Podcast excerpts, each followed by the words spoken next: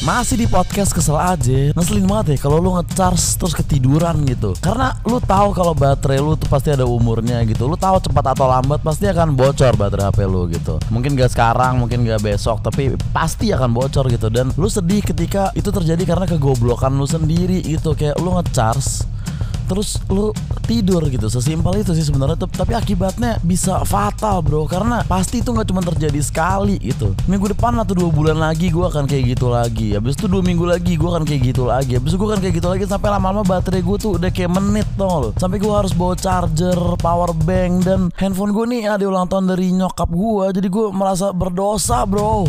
Hah, untuk semua yang dengerin ini ya, yuk kita sama-sama mencegah yuk fenomena global ini gitu. Kalau ngecharge jangan tidur bro, kita pertahankan umur baterai kita setua mungkin, seawet mungkin, sakinah, mawadah, strong dan lain-lain. Ngecharge jangan tidur pak, dah gitu. Ngecharge jangan tidur.